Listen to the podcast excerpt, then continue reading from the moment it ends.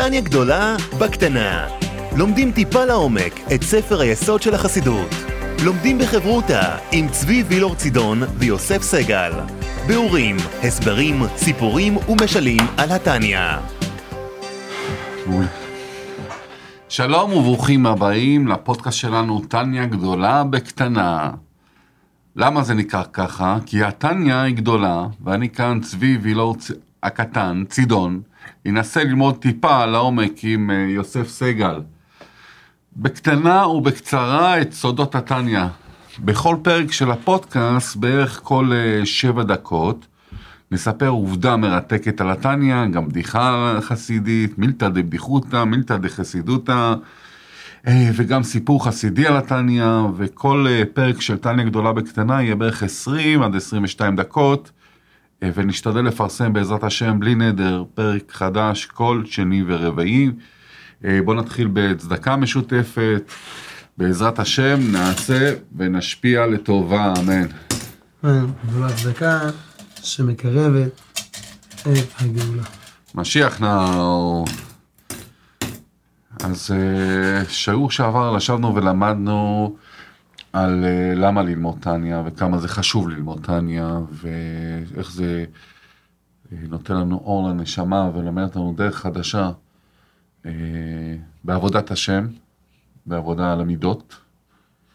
והיום בואו נתחיל אולי, לא? את עמוד השער? כן. יאללה, מה בכיף. שנקרא דף השער. דף השער. כן. בעצם דף השער זה ה- מה שנקרא הבסיס, כמו שבשיעור הקודם הזכרתי במילה אחת, זה היסוד שעליו אדמו"ר הזקן משתית את ספר התניא. אז בעצם כשאנחנו רואים דף השער הוא מחולק לשני חלקים. יש לנו את השם של הספר שמופיע, שעליו לבד אנחנו יכולים להתעכב. וגם כן את, אז בוא נתעכב. כן, את הכותרת משנית, מה שנקרא. ואת שלושת השורות של ההסבר הכללי. אז בואו נתעכב, בואו נתחיל. אנחנו מתחילים ספר ליקוטי אמרים. אנחנו מכירים את הספר בשם ספר, זה נראה על המצלמה. אה, כן, ספר, זה הדף השער שהוא כתב בעצמו. רגע, אגב, מי כתב זה בעצמו? זה כתב רבי שנור זלמן מילדי. בעל התניא, כמו שהוא מכונה בחסידות חב"ד, האדמו"ר הזקן, כן? אז... אה, הוא האדמו"ר הראשון של חב"ד. האדמו"ר הראשון, שהוא לא רק הראשון, הוא בעצם ייסד גם כן את חסידות חב"ד. ולספר שלו, אמרנו, הוא קרא ספר התניא, אולי לפני שאני אקרא את הליקוטי המרים, אני רוצה גם כן להסביר מה השם, ספר התניא.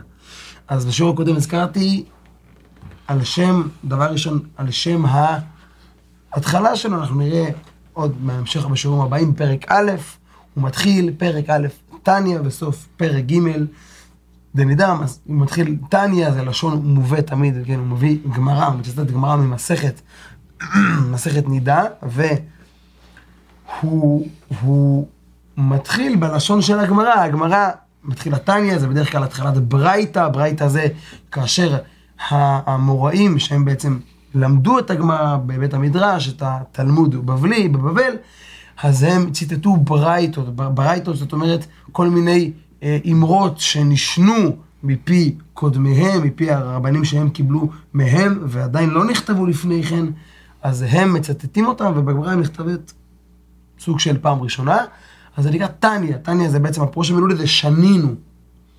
אה, אז זה הפירוש הפשוט, לכן זה נקרא טניה, זו המילה הראשונה, הוא מתחיל עם שנינו שמופיע בגמרא. אבל כמובן, כמו כל דבר בחסידות, לכל דבר יש מהות וסיבה פנימית. אז נוסף לטעם הפשוט, טניה, על שם המילה הראשונה בספר, שבעצם זה כמו כל פרשה, בספר פרשת בראשית נקראת בראשית, כי המילה הראשונה בה היא בראשית, אבל יש את הפירוש הפנימי יותר, שבעצם ספר התניא, תניא זה אותיות איתן. מה הם אותיות איתן? לכל יהודי יש דרגה בנפש שנקראת איתן. בעצם כוח פנימי, בהמשך נראה, אנחנו נגדיר אותו, כנפ... נגדיר אותו כנפש אלוקית, ככוח שהוא מגלה את האהבה המסותרת, עוד נראה, עוד נדבר עליו בהמשך, אבל באופן כללי, האיתן זה כוח פנימי שיש לכל אחד מאיתנו בנפש, לגלות ולהבעיר את האמונה בהשם, שבעצם תעזור לו לכל עבודת השם, כמו שנבהר בספר, וכמו שהבעל התניא מסביר באריכות, כמו בשיעור, בשיעורים הבאים. אז האיתן הזה, אותו בא לגלות ספר התניא, על האיתן שבנפש, שאגב, איתן, מזכיר לנו מיד את השם שהרמב"ם, רבי משה בן מימון, הספרדי, בספר שלו, ספר ההלכה, הוא מגדיר את אברהם אבינו, העברי הראשון, כן, אבי האומה, אברהם אבינו, הוא נקרא בשם איתן. ולמה? הרמב"ם קורא לו בשם הזה, בגלל שהוא זה שהתחיל את האמונה בבורא העולם, לא בכנמו נקרא אברהם העברי, כמו שמוסבר, חכמינו זיכרונם לברכה מסבירים. למה הוא נקרא עברי? כי הוא היה ממש מעבר אחד, וכל העולם מצידו השני, כן, ממש כמו נהר, שיש לו שני עברים, מה שנקרא. בעברו האחד נמצא אברהם, בצידו השני, בעברו השני נמצא כל העולם. הוא היחיד הוא שפתח מה שנקרא ראש וראשון למאמינים, הוא פתח את השביל לאמונה בבורא העולם ומנהיגו. ו... וכן, כמו שמספרים לנו, שהוא התחיל את זה בגיל שלוש כבר, יש שיטות שאומרות בגיל 40, הרבי, מלך המשיח, מסביר שבעצם זה לא רק, זה לא סתירה, אלא זה התחיל בגיל שלוש, התעצם יותר בגיל 40, יש עוד כמה גילאים שמופיעים שם, בכל אופן הוא נקרא איתן. למה הוא נקרא איתן? כי הוא, הוא גילה, הוא הראשון שבעצם פתח את המקום הזה של אמונה, של לעבוד את השם, וכמו שבאמת כתוב, שאברהם היה מגייר את האנשים, ושרה אשתו הייתה מגיירת את הנשים, היה להם שם מה שנקרא, מה המונח שכולנו מכירים היום, בית חב"ד, מה שיש לנו היום, שהרבי דואג בכל מקום שיהיה, הם פתחו את המקום הראשון, היה להם אגב זה מעניין, ומאוחר יותר היה להם גם אשל, אכילה, שתייה ולינה, ממש כמו בית חב"ד שאנחנו מכירים היום מהעולם, אבל הוא נקרא איתן, מהסיבה הזאת, וספר התניא בא לגלות בכל אחד מאיתנו את האיתן שיש בתוכו, שיעזור לו לעבוד את השם. זה, וזה סיבה שנייה.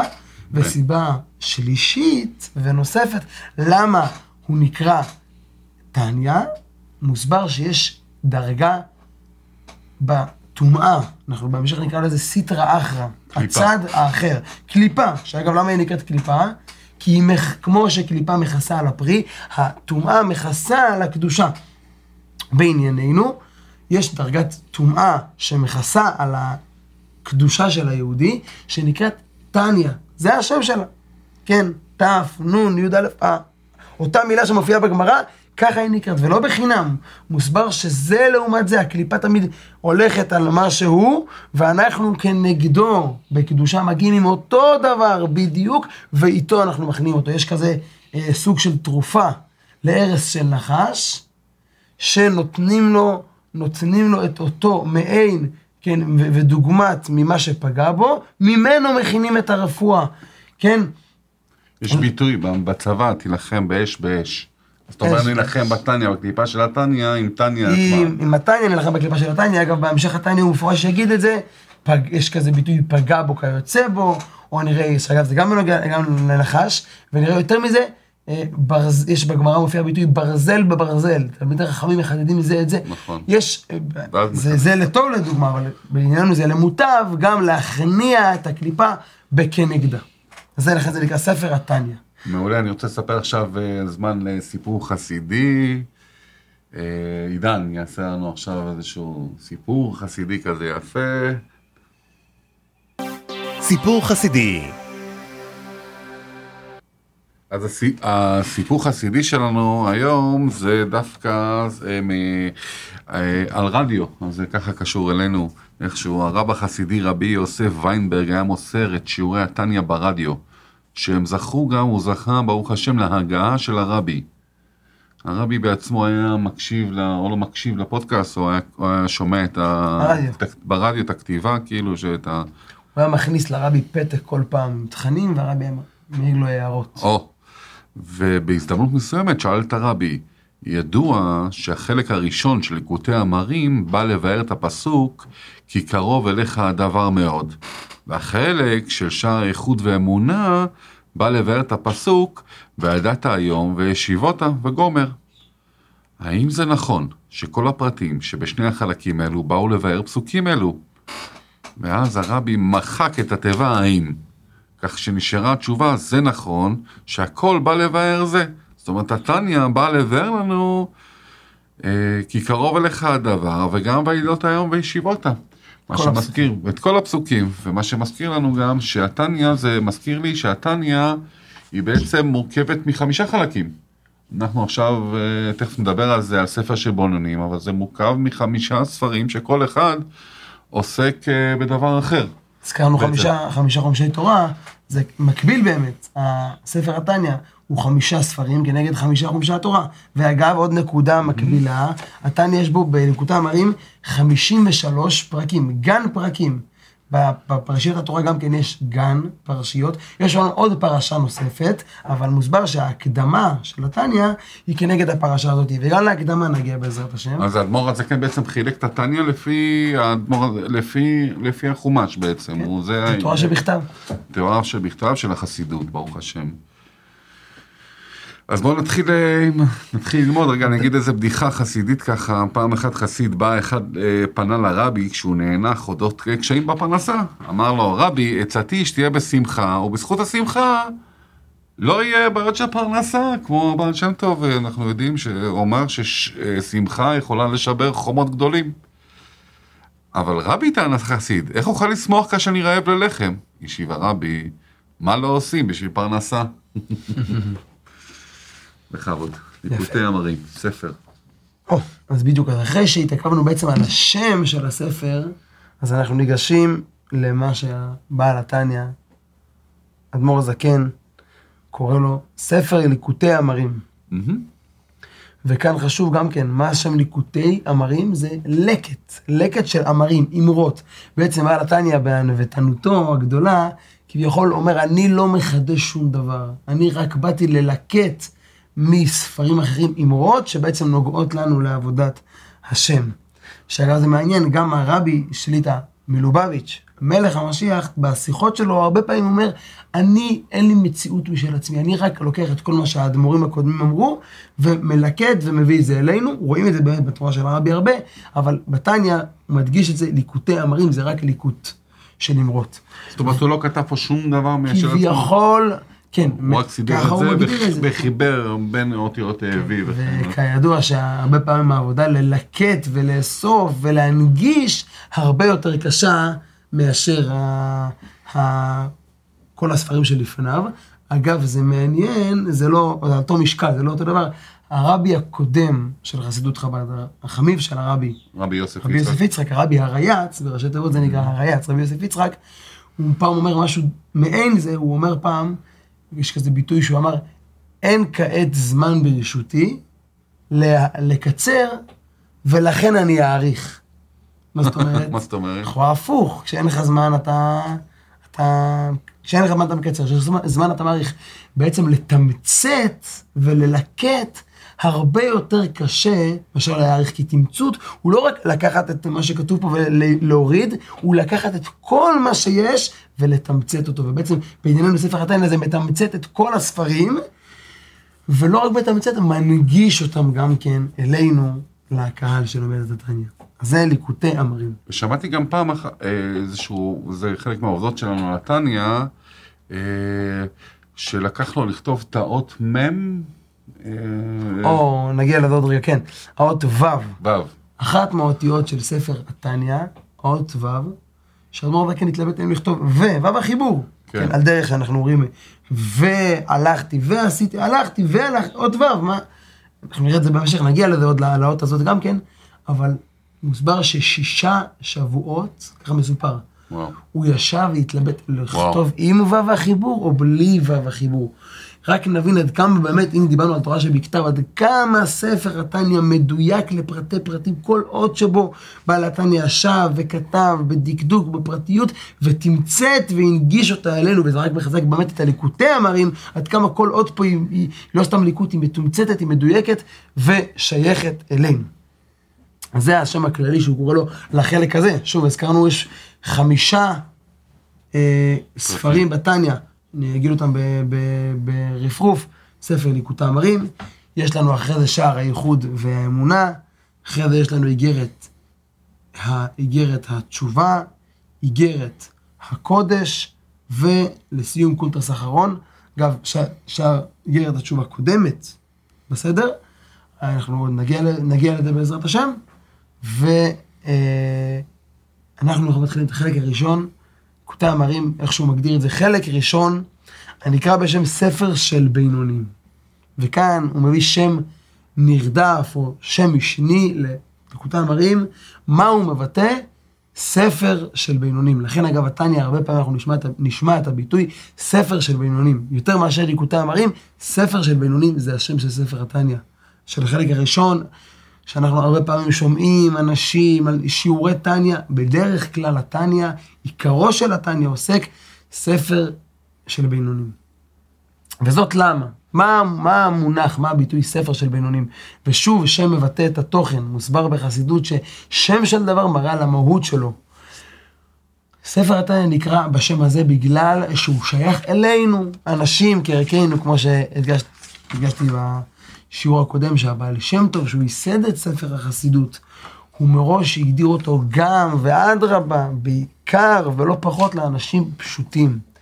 כערכנו אנשים, מה שנקרא במונח העולמי, בינונים, לא יותר מדי צדיקים, לא יותר מדי לא, הפך הצדיקים, אלא בינונים, פשוטים. כמובן שאנחנו נדבר על זה, והספר בא להסביר לנו מהו בינוני. אנחנו בטוחים שבינוני זהו יהודי, בינוני פשטני. אנחנו עוד נראה שבינוני זה מושג עמוק ורחב, נראה את זה בפרק א', בעזרת השם כבר על ההתחלה הוא נוגע בזה, כי זה השם של הספר, בואו הוא הולך לגעת, אנחנו נדבר על זה לאורך הספר, אבל שוב, באופן כללי, ספר של בינונים זה מיועד אלינו במונח אפילו הפשוט שאנחנו מכירים.